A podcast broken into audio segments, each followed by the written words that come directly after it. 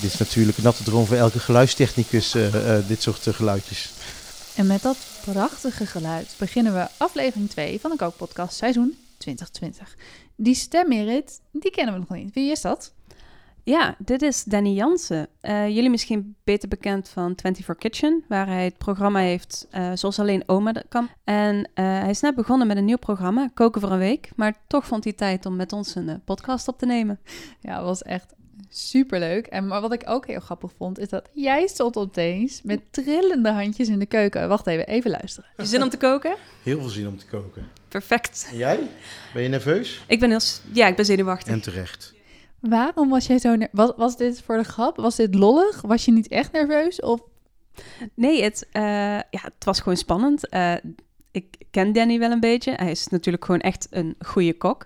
Maar staan we in één keer in zijn keuken met een daadwerkelijk historisch manuscript op tafel, waar gewoon ieder moment een vlek op kan komen. En het is een gebruiksvoorwerp, maar als iets een paar honderd jaar oud is, dan ja, word ik toch wel wat zenuwachtig. Ja, en je kon ook echt wel zien dat de beste man heeft meer dan 10 kookboeken geschreven. 14 geloof ik uit mijn hoofd. Hij weet wat hij doet. Maar even ter herhaling, voordat we beginnen. Onze kookpodcast is iets anders dan voorgaande jaren, hè? Ja, klopt. Eh, we hebben deze keer vier afleveringen opgenomen, eigenlijk eh, in etappes bij elkaar. Eh, omdat we natuurlijk met COVID-19 zaten en nou ja, konden niet alles zo mooi spreiden als voorgaande jaren. Maar vooral omdat we ook met de Maat van de Geschiedenis samenwerken en binnen hun thema de opnames hebben geroosterd. Het thema is Oost-West. En eh, met Danny hebben we daarom de invulling van de Indonesische keuken eh, gevonden in een oud historisch recept. Ja, dus hij had eh, een recept uitgezocht met veel kruiden uit de Oost. Ja, klopt. Over kruiden gesproken. Ja, ik heb hier echt serieus een halve VOC-dingen in mijn klaartje liggen. Ik denk als ik in de 18e eeuw had geleefd, had ik daar echt superrijk geweest. Ik eh, zat helemaal in mijn nopjes in die keuken. En toen vertelde Danny in één keer dat hij niet altijd kok wilde worden. Ik had eigenlijk liever archeoloog willen worden. Maar ik ben helemaal niet zo goed in leren. dus ik denk, nou, dat wordt niks. En dus ben ik eigenlijk twintig jaar geleden antieke ko- kookboeken gaan eh, verzamelen. Doe ik sinds 1997. En eh, ik denk dat ik nou een hele mooie, flinke collectie heb eh, binnen, ja, binnen persoonlijk Nederland. Dus niet bibliotheek, maar eh, de privécollecties. Ja, dat is dan toch wel grappig, hè? Ehm, wat ik dan, wat ik heel leuk vond, was dat Danny het boek waar we uit gekookt hadden met Marleen, dat had hij dan weer in zijn bibliotheek liggen. Ja, klopt. Die eh, Danny heeft gewoon een eigen kamer vol met historische boeken, allemaal kookboeken. En laat het nou net zijn dat het boek waar wij met Marleen uitgekookt hebben bij hem in de kluis ligt en waar hij vanzelfsprekend ontzettend trots op is. En dan mag ik daar letterlijk ons recept van de dag van tevoren gaan terugzoeken uit een kookboek uit 1593. Dat is zo bijzonder. Ja, niet alleen was eh, eh, het recept van de vorige aflevering was in die collectie, eh, ook het nieuwe recept. Het recept van deze aflevering kwam daar natuurlijk uit bij Danny in de keuken. En ook heel gezellig, want Danny's kinderen kwamen af en toe ook even gezellig buurten. Hey Jermaine. Nee, papa is al bezig. En ik kan alvast verklappen, het is echt heel lekker geworden. En ook heel interessant om naar te luisteren naar alle verhalen uit de culinaire bibliotheek van Danny Jansen. Zeker. Dus ik wens jou als luisteraar heel veel plezier met de Kookpodcast. En we geven het woord allereerst aan Danny.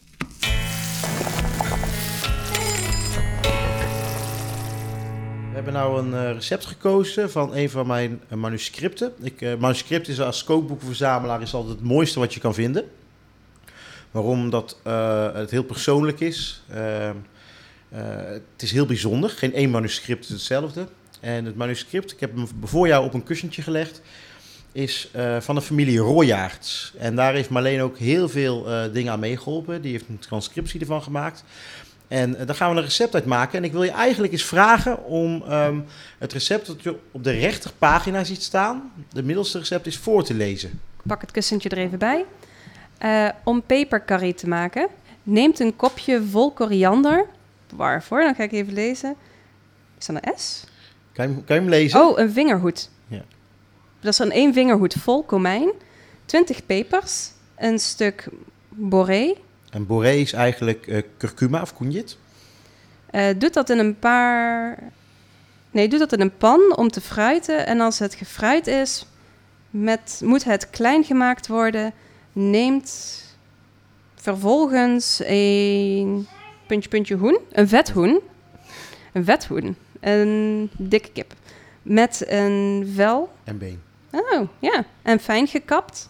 En doet het met een, dat is een spoelkom water in een pot om te koken. Neem dan zes uien en een pan met wat boter om te fruiten. En als dit gefruit is, doet er dan het vlees en de specerijen in. En laat het koken tot het genoeg is. Och, heerlijk, dat einde. Tot het genoeg is. En dat gaan we maken. Nou, zoiets gaan we maken. En het is natuurlijk heel knap dat je dat in één keer zo al eh, leest. Nou ja, je bent natuurlijk gewend, hè. Maar eh, het is ook heel slordig geschreven voor de, voor de kijkbuis, luisterbuiskinderen. Maar het is, eh, het is eigenlijk gewoon een, een specerijen die je aanzet met uien en kip. Nou, die specerijen, als je dat maakt, dan krijg je deze. Curry. Dus ik heb die specerijen heb ik gemaakt en die heb ik gevijzeld. En toen kregen we dus carré curry. En dit is dus de basis voor dit gerecht. Nou, die curry zetten ze dus aan met een vet hoen en uitjes. Nou, wat ik gedaan heb is, uh, ik heb al een uh, vethoen opstaan. Maar niet zomaar. Ik, heb een, uh, ik vind het leuk om gerechten te maken. als je gerecht maakt zoals toen, moet het ook zijn zoals het was. He, dus dan ja. moet het ook die kip zijn uit die tijd. Met het voer uit die tijd. Met de ja, groente uit de grond niet. uit die tijd. Ja. Dat kan niet. Ja. Dat is geweest. Nou ja, daar kan je heel dichtbij komen. Ik, ik, ik weet natuurlijk ook dat je bepaalde appelen wel... Maar dat moet je ook maar aanzien. Anders vind ik het niet echt. Dus wat ik doe is eigenlijk de ziel van zo'n gerecht pakken, of van zo'n recept pakken, en dat op mijn eigen manier te maken, zoals ik hem aan jou voor de lunch dadelijk zal serveren. Dus het is echt een historisch gerecht voor de moderne keuken. Juist. Perfect. Dat, dat, wat ik dus heb gedaan, ik heb hier al een pannetje op staan. Ik heb hier uh, een, een hoen. Uh, heb ik uh, opengesneden. Daar heb ik wat gehakte koriander in gedaan, omdat er een korianderkorrels, dat is natuurlijk een toenbaar erin zit. Maar ik heb daar een eigen variatie op gemaakt. Heb ik in curry bouillon heb ik dat laten garen. Die gaan we dadelijk bakken. En uh, ik loop even naar de koelkast, want ik heb nog iets voor jou om te doen. Want anders okay. denk je dat het zo'n... Uh... Ik, uh, ik word aan werk gezet. Ja. Wat jij voor je hebt is een kom. Daarin zit suiker, bloem en stukjes boter en curry. En zout. Ja. Jij gaat hier een crumble van wrijven. Dus ik heb die boter goed koud laten worden. En dan ga je eigenlijk wrijven. Ja, je weet hoe je een krummel maakt, denk ik. Ja, ik, dat kan ik. Ik ja, kan helpen. Ja, ik ga even mijn handen wassen. En ja. uh, dan uh, begin ik met uh, wrijven, wrijven, wrijven. Mocht je dit recept zelf willen maken, dan vul je dus een kip met gehakte koriander en gaar je die in de currybouillon. Daarna kun je met dezelfde curry, bloem en een stukje koude boter een currycrumble maken. Daarvoor kneed je eerst de ingrediënten door elkaar en dan bak je ze gaar in de oven. En overigens kun je tijdens het wrijven gewoon gezellig doorkletsen. En nou heb ik dan net dat recept voorgelezen. Ja. En dat ging me toch iets beter af gelukkig dan ik dacht. Ik hoefde minder te stotteren.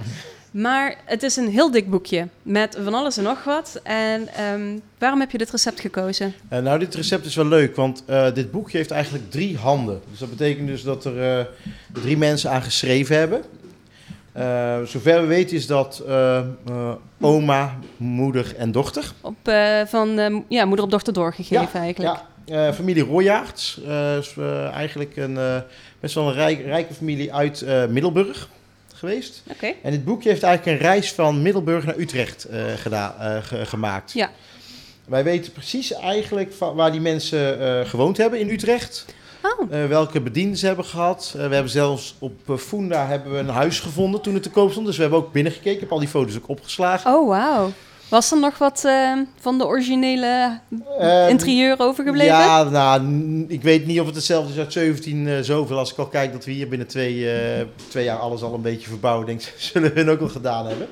Wat het leuke is aan dit boek is als je een recept eronder kijkt. En ik ga even dat boekje dan staat er iets uh, heel exotisch, uh, zag ik al. Ja, nou je hebt hieronder heb je dan uh, de curry Japan. En daar zie je ook wel een hele leuke link mee met VOC. Dus we zitten midden in, midden in het VOC gebeuren, hè, dus zeg 1750 ongeveer. En een recept erop is curry Japan. Neemt jonge boemboes, radijs, gember, groene ajuin en twee kelkjes saki. Dus dat is sake. Ja. Een kopje soja, sojasaus. Laat het vlees met het hoen, dat fijn gesneden is, koken met wat boter, zodat het hoen niet heel vet is, anders hoeft er geen boter bij. En wat het leuke is aan dit recept en ook aan het vorige recept, is zijn de exotische dingen die erin zitten. Ja, het is echt. Maar weet je of deze mensen ook zelf daar zijn geweest? Of hebben ze het, was het de mode om Indonesisch, Aziatisch te koken? Nou, het is natuurlijk de vraag. Hè? Want het, is natuurlijk, het kan natuurlijk ook zijn van... Kijk, mij is dik doen en een heel chic recept hebben. En eh, bijvoorbeeld ook sake. Dat betekent dus dat er sake al verhandeld werd. En sojasaus ook al. Nou, sojasaus, dat kan je kopen. Maar als je nu bij elk hip uh, Amsterdams cafeetje gaat... en je vraagt om een kelkje sake... staan ze je nog heel glazig aan te kijken. En hier staat het dan in een recept. En dit is een recept van 250 jaar oud, hè, Ja. ongeveer. Dus dat vind ik wel heel erg leuk. En eh, daarom heb ik ook, is dit een van mijn favoriete recepten. Omdat het al zo vroeg, of beginnend van het boek, dit recept staat. Ja. betekent dat dit boek vrij op leeftijd is. Ja, En eh, dit recept gaan we maken omdat het eigenlijk, als we dit dadelijk gemaakt hebben... Want we hebben curry en Mm. we hebben kip. ja, Het is een beetje kip curry van eh, 250 jaar geleden. inderdaad. Dus misschien is dit wel geschreven door de voorvaderen van meneer Joma. Ze zouden dus inderdaad, eh, hoe zeg je dat, zo'n eh, vooronderzoek moeten doen Ja. van welke boerenvrouw heeft dat bedacht De en eh, historie van ja. ja. En jouw kruimels zijn goed, hè? Ja, die zijn, ja, Ja. ik blijf bezig. Ja, je het is blijft gewoon bezig, leuk, maar dan wordt het warm. Dat is niet Doe maar, gooi maar op de bakplaat. Ik zal nog even... Dus het één, één klontje boter vind ik niet goed. Oh, het ruikt lekker. Dit gaat in de oven, 180 graden. Want normaal als ik een crumble maak, dan is het een fruitcrumble. En dan zit er eh, van alles en nog wat onder. En dan gaat het in. Maar nu willen we het dus eigenlijk gewoon geroosterd kruim voor over... We gaan zoet en hartig combineren. Perfect. Ik zal je handen even wassen als ik Ja, jou was. want het, eh, het is helemaal geel. Ja, en het leuke is toen ik dit eh, boek vond, eh, Merit, was in, was in Utrecht. Was in een, eh, ehm, een hele grote, hele grote ja, hal waar al de boeken lagen voor een veiling. En dit boek zou op de veiling komen. Maar dit is nooit op de veiling geweest. Daarvoor, heb ik het, eh, daarvoor had ik het gekocht. En dat is wel heel, heel gaaf. Dit is, we praten over 20 jaar geleden ongeveer. Dit is, eh, heb ik gekocht 5 december 2000. Wauw. Ik weet dat, dat aan het begin van 5 jouw collectie. eh. ja, ja, dit is mijn tweede manuscript is dit geweest. En ik heb het altijd niet het mooiste manuscript gevonden. Maar toen eh, eh, zei iemand tegen mij van... joh, je moet er eens kritisch naar kijken. En toen zag ik de mooie pareltjes van recepten die erin stonden. Ik denk, ja, dit is weer een heel gaaf boek. Toch veel bijzonderder dan je misschien Veel in de eerste- bijzonderder. Ja, absoluut. En het zit ook bomvol. Ja. Het is echt... eh, zit van voor tot, eh, voor tot achter vol. En ook verschillende handen. Dus je ziet ook hierachter uh, in het boekje... Mhm. zie je eigenlijk dat die mensen ouder worden... en op een gegeven moment zijn ze bijna schijndood. Want je ziet bijna niet meer wat ze schrijven. En eh, zie je dan ook dat dingen terugkomen? Want dat heb je wel eens. Dat moeder op dochter en die hebben hetzelfde recept, maar past het dan iets aan? Of zijn vergeten dat het er al eerder in Je stond? ziet wel een paar doublures in recepten, ja. Dus dat is wel, eh, dat heb je zo natuurlijk. Want ik denk dat op een gegeven moment pak je toch je eigen favoriete recept. Ja. Maar het leukste is als er een jaartal in staat. Ja. Of een naam waar je dingen aan kan leren. En Ja, zo'n familieband of van de tante of de buurvrouw verderop. Juist, juist. Nou, terwijl we bezig zijn, eh, gaat nu eh, de boter voor de, de hoen in de, in de pan. Maar even terug naar jouw bijzondere collectie, eh je privécollectie. Yes. Ehm, hoe begin je eigenlijk? Want je zegt, ik, ik vond dat gewoon interessant en ik ben daarmee begonnen. Maar dat heb je ehm, per toeval ontdekt, hoe je zo'n collectie samen... Hoe kom je aan je kookboeken? Ja, ik wilde dus archeoloog worden, maar dat werd hem dus niet. Dus, en toen werd het kok. Nou, dan ga ik oude kookboekjes sparen. En dat begon eigenlijk met een kookboekje uit de oorlog. Toen ik die eh, eh, eh, kreeg of vond. En toen ben ik een beetje gaan zoeken. En ehm, eh, toen kreeg, kwam iedereen met die Margriet kookboekjes aan. Nou, dat vond ik ook niet zo heel erg interessant eigenlijk. Het eerste boekje wat ik kocht was de Gelderse Keukenmeid. Mhm. Die ken ik. 1829 geloof ik uit mijn hoofd. Ja. Die kocht ik bij de Slechte voor 250 gulden. En eh, ik denk, oh, dat is wel heel leuk eigenlijk. Zo'n hobby, weet je wel, waar je toch, eh, toch best bijzonder. Hè? En eh, qua kosten, ik werkte al vanaf mijn veertiende, dus ik had wel gewoon inkomen. Ik denk, nou, dat is nog prima te doen. En zo is het eigenlijk begonnen. En ehm, toen ik in het begin, toen als jong broekie, want toen was ik dus net twintig, zeg maar, hè, toen kom je op die antiquariatenbeurzen. Dan, dan En- ben je bij verre bij de jongste en, En denk dan je, zeg wat je doet van, die ik spaar hier? antieke kookboeken. En dan komen ze aan met zo'n Margrietboekje. Ik zeg, ja, die hoef ik niet. Leuk Ik geprobeerd. zeg, ik wil eh. een eh, aaltje. Ik wil eh, een, een volmaakte keukenmeid. Ik wil, of een Hollandse keukenmeid. en dat soort dingen. Dan op een gegeven moment ga je dan zulke namen droppen. Dan denk je, oh ja, oké, nou dat hebben hij, we dan niet. Hij, hij weet waar hij het hij over hij heeft. snapt waar hij het over heeft. Hè? Maar nu tegenwoordig herkennen ze je natuurlijk. Antiquariaten bellen me ook gewoon op als ze iets hebben. En eh, dat is wel heel fijn. En ook veel veilingdingen natuurlijk. Dus eh, ik weet nou mijn weg weet ik wel te vinden. Even, ondertussen fruit ik de ui in een pannetje. Een je beetje goed. heen en weer vegen, dat kan ik. Ehm, op het moment dat je dan zo'n kookboek ziet liggen of je wordt gebeld, Ja? dan, dan denk je van ja, graag. Of eh, soms heb je al dingen, neem ik aan. Ik weet bedoel- eigenlijk al in, nou, in vijf minuten of ik iets wel of niet wil hebben. Maar dan praten we echt wel over de oudere boeken. Dus ehm, als, ik een, eh, als iemand komt en die zegt ik heb een derde druk aaltje, dan hoef ik daar niet over na te denken. Dan zeg ik meer van joh, wat kost het? Ja. En dan moet het een beetje, moet natuurlijk wel een beetje in de, Schappelijk. de schappelijke prijs liggen. Weet je wel, niet dat het, eh, natuurlijk mag dingen geld kosten. Alleen, eh, ik, ik, ik, ik vind het heel leuk om die collectie dan compleet te maken met drukke aaltjes. Hè, dus, ik dan wil je ze allemaal. ik wil ze ook allemaal. allemaal. Ja, ja, ik wil ze ook allemaal hebben. En dan steeds beter. Dus de, de, als ik er eentje tegenkom die minder is dan die ik nu heb, dan eh, gaat die eruit en dan komt er een betere voor in de plaats als ik een beter heb. Ja, dus En- je bent echt aan het upgraden ondertussen ook. eh. Ja, ik heb eerst heel veel verzameld en ik ga nou upgraden. Dus ik zie ook dat ik niet op alles meer koop. Vroeger kocht ik echt alles wat je kon bedenken. En tegenwoordig eh, ja, denk ik er even twee keer over na als ik dingen koop. Ondertussen begint de keuken echt Lekker, heerlijk hè? te Het ruikt ook ruiken. curryachtig, hè? Mhm. En er zijn wat zaadjes, daar weet ik wat meer van, toegevoegd aan de, de ui. Wat voor zaad ligt erin? Sorry, is dat een hele platte vraag? Mosterdzaad. Ja. Jee. Witte mosterd.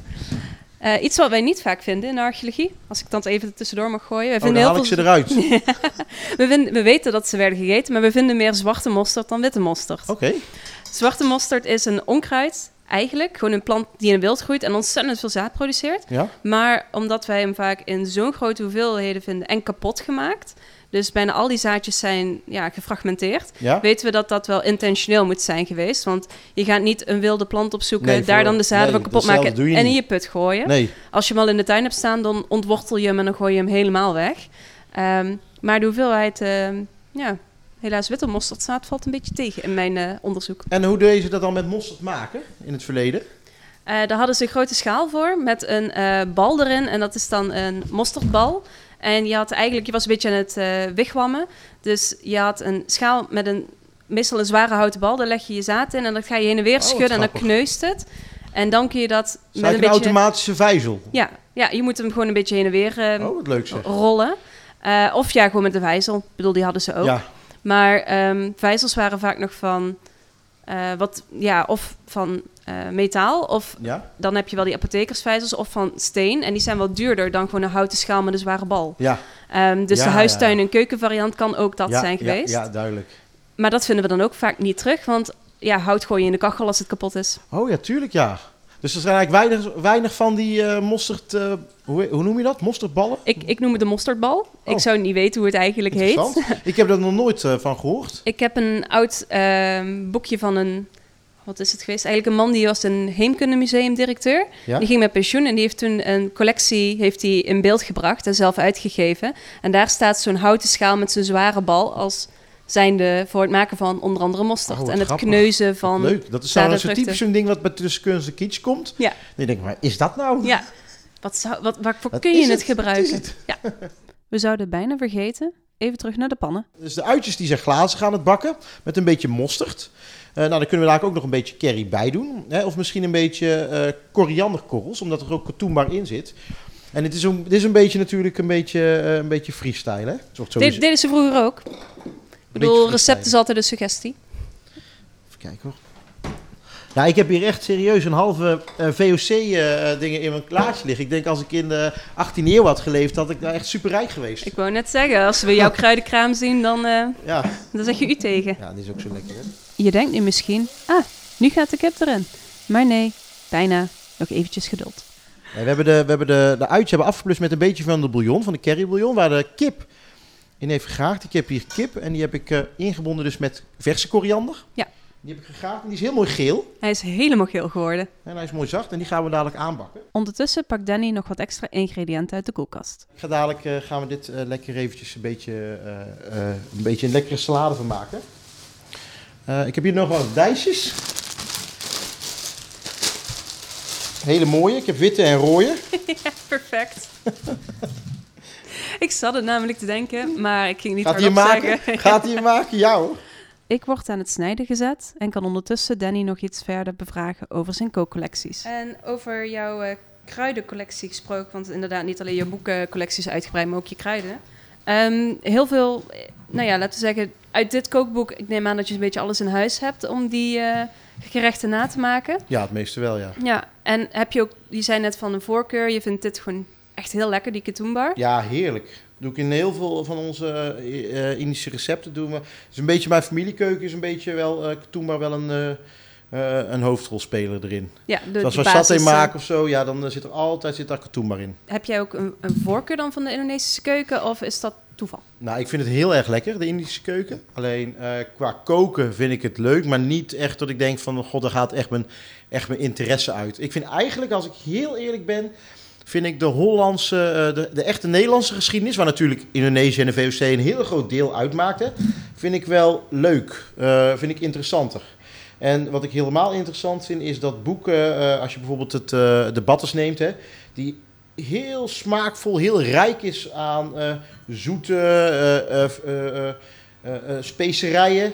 En dat je daar een beetje die sobering krijgt in de Nederlandse eet, eetcultuur. Dat vind ik heel grappig om, om te zien voelt ergens best tegenstrijdig. Want we hebben ook met Marleen uh, en met, met eerdere podcasts komt het er toch wel uit dat vroeger zo gevarieerd en smaakvol werd gegeten. Wat gebeurd? Ja, precies. Er is in één keer 300 jaar iets veranderd. En toen hadden mensen iets van, eh, het kan ook anders. Kan ook lekker saai. Hè? Ja. Zijn we dan weer eh, dat opnieuw een beetje aan het leren? Komt, Komt er gewoon weer interesse voor? Of is dat gewoon... Nou, ik denk dat er sowieso interesse uh, komt. Maar als je maar kijkt naar bijvoorbeeld het fermenteren.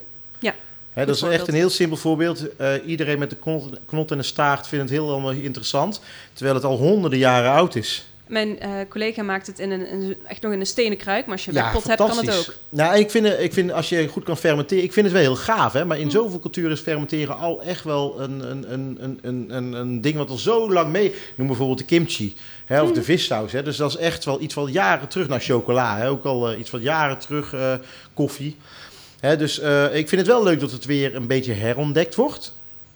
En, maar dat mensen nou ook uh, echt wetenschappelijk naar kijken. Want het is niet zomaar, ik doe maar even iets. Mensen kijken echt, naar, naar echt dieper erin. Hè, dus dat is wel interessant. Dat kan ook. Die technologie is er nou ook.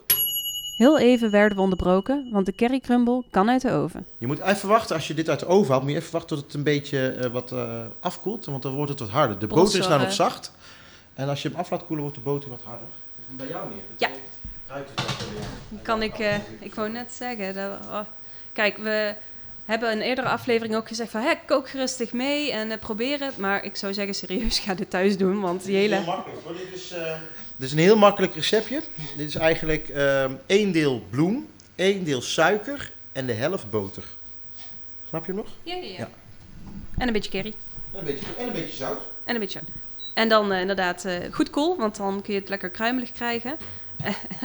en genieten van de geur. Terug naar Danny's opmerkingen over het verdwijnen van smaak in de Nederlandse keuken.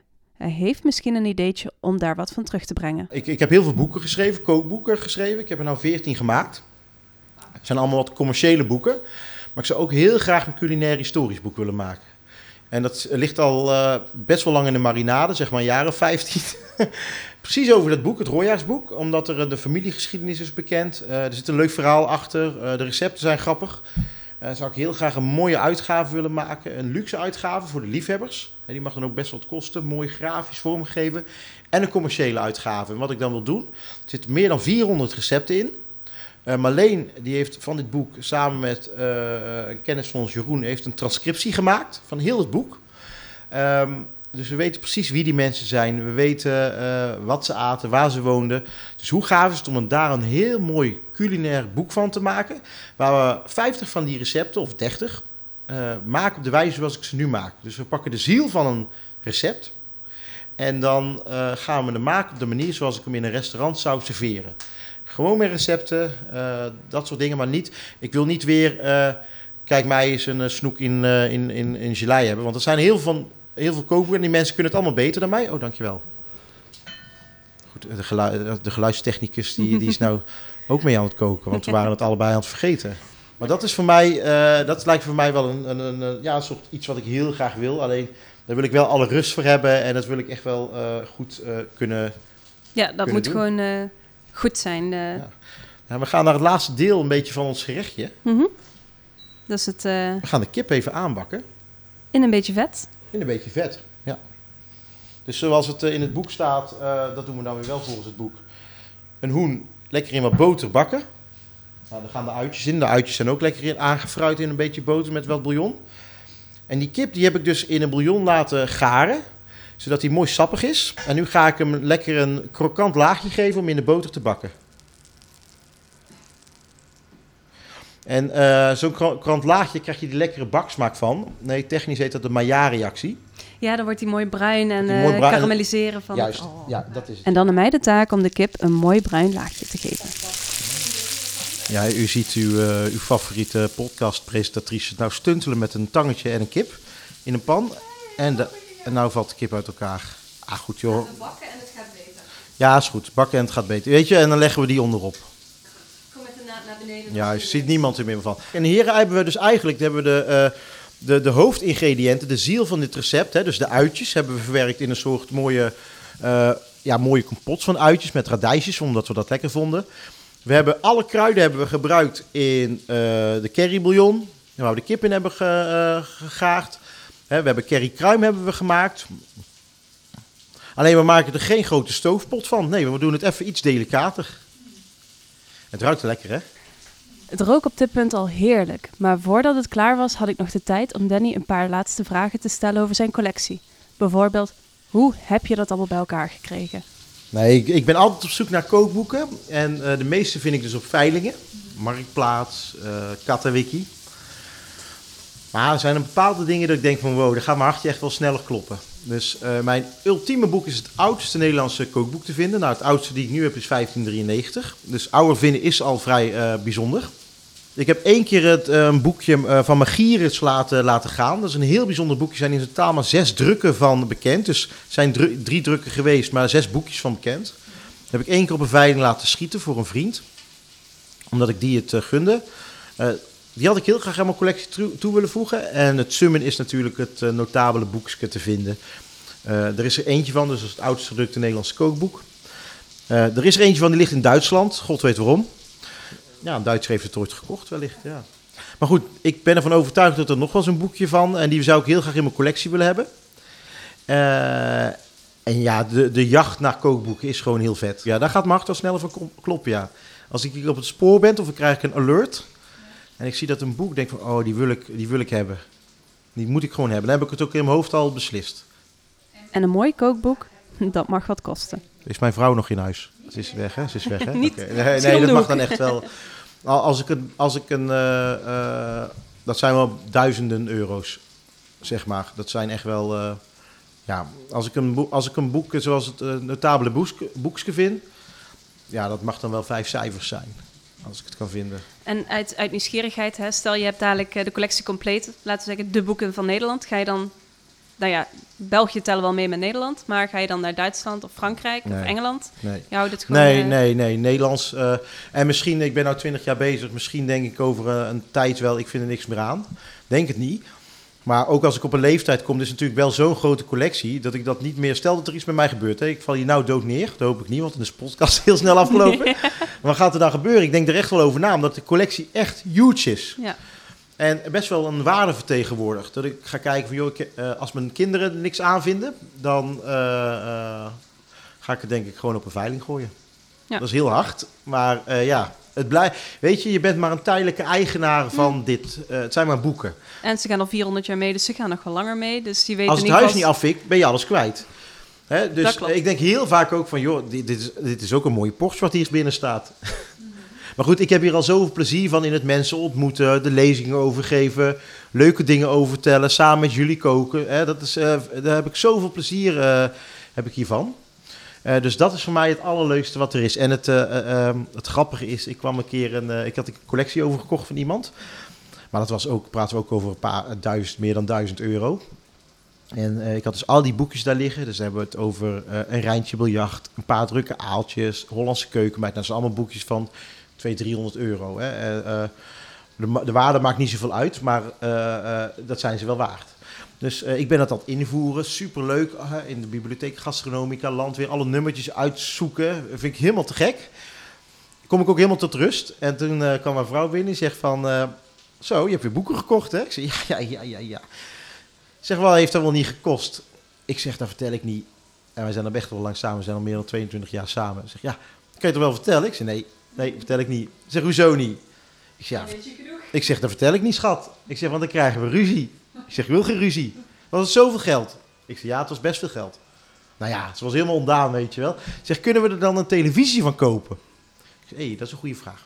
Ik zeg, nou, als jij naar de mediamarkt gaat en je pakt de grootste tv die je wil hebben, ik zeg, dan kunnen we die kopen. Nou, toen was het ook gelijk klaar. En sindsdien vertel ik niet meer waar ik aan besteed. En ze weet dat er een Excel-bestand op mijn computer staat, waarop alles daar staat. En als er iets gebeurt, dat ze daarop moet kijken en niet alles naar klakloos naar de slechte moet brengen. Ondertussen denk ik wel dat ze dat nooit zou doen, maar eh, Nee, goed nou is het wel eh, beter. nee, maar Ja. het is, de verzamelen, de hobby is leuker. eh, de hobby is leuk. Ja, ja, ja. Verzamelen. Ja. Er staat geen geld of niks tegenover. Nee, het is inderdaad wat je zegt, gewoon hè, dat gevoel van... Oh, ik heb een alert, wat zou het zijn? Kan ik, ja, kan ik dit toevoegen? Ga ik dit, wil ik dit toevoegen? Al die... Het is gewoon een soort van eh, ja, spel eigenlijk ook. of je eh. komt ergens een boekje tegen op Marktplaats en je gaat erheen en je hebt hem voor heel weinig. Terwijl je weet, oh, dat boek is heel veel waard. ja. Niks zeggen, snel afrekenen.